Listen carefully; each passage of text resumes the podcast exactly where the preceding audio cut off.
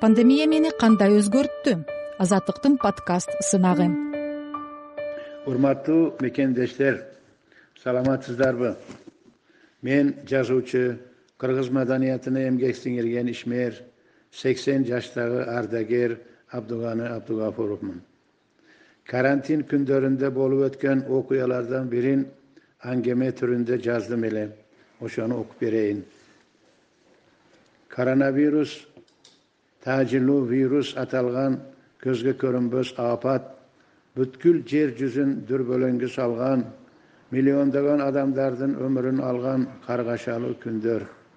Жаратканды акыреттеги эсеп китепти унутуп күнөөлөр баткагына баткан кездерибиз. Ар бирибиздин үстүбүзгө оорунун өлүмдүн дамокл кылычы асылган коркунучтуу учурлар дарбаза коңуроосу шыңгырады.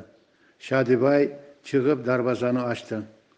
Жөнөкөй кийинген бет кап тагынган орто жаштагы аял оромолу менен жүзүн тоскончо башын ийип турат эле. Келиңиз. Келдим балам. Мен аркы маалладагы досуң сардардын апасымын. Бир өтүнүч менен келдим эле. Апамды чакырайынбы жок. Чакырып аларды убара кылба үнү титиреди аялдын сен өзүң уксаң балам көпкө келген аапатты көрүп турасың. Тигил чынардын астында кичине дүкөнчө ачып тиричиликти өткөрүп турдук эле дүрбөлөң заман башталып калбадыбы? Дүкөн жабылды. Үйүбүздө жеп ичүүгө эчтеке калбады. Мына ушул шакекти кызыма тоюнда белек кылышты эле. Ушуну атаңа көргөз балким сатып алар атаңа абалды өзүң түшүнтүр балам. Шакекти карма мен ушул жерде күтө турам. Бет капчан аялдын муңдуу үнү шадыбайдын кулагынан кетпей койду көзүнө жаш келди үйгө кирип атасына бул окуяны толкунданып баяндады. Атасы төрт беш мүнөт унчукпай баш ийип отурду. Анан ордунан туруп шкафтан бир түтүм акчаны алды да жүр деди бет капчан аялдын ассалому алейкум деген үнү акырын угулду. Түшүндүм шакекти алабыз баасын айтыңыз деди атасы шакектин ар жак бер жагын көрмөксөң болуп. Кызымдын айтуусу боюнча баасы беш миң сом экен сиз канча берсеңиз мейли мурда беш миң сом болсо болгондур азыр алтын кымбаттаган жети миң сом берсем ыраазы болосузбу? Деди атасы. Жок жок айнанайымдар беш миң берсеңиз жетет. Аял көз жашын жеңи менен арчыды. Беш миң берсем адилет болбой калат. Шакектин баасы жети миң сом. Мына алыңыз. Шадыбай акчаны атасынан алып аялга узатты. Аялдын көз жаштары бет капка ага баштады.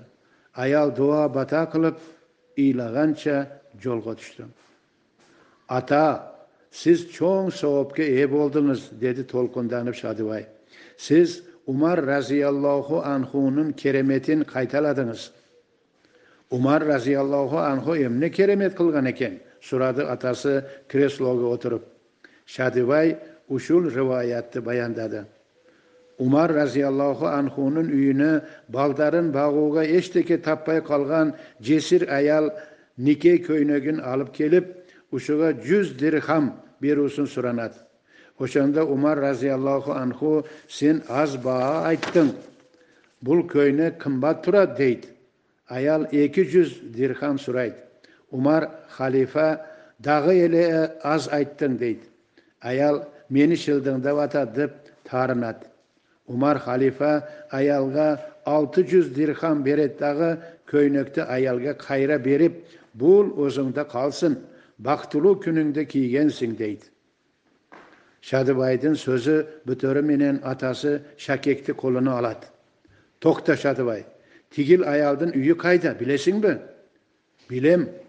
Шакекти ал аялга жеткир бизден белек де тез бар чурка шадыбай кубаныч менен аялдын артынан кетти абдуган абдыгафуров жазуучу кыргыз маданиятына эмгек сиңирген ишмер ардагер.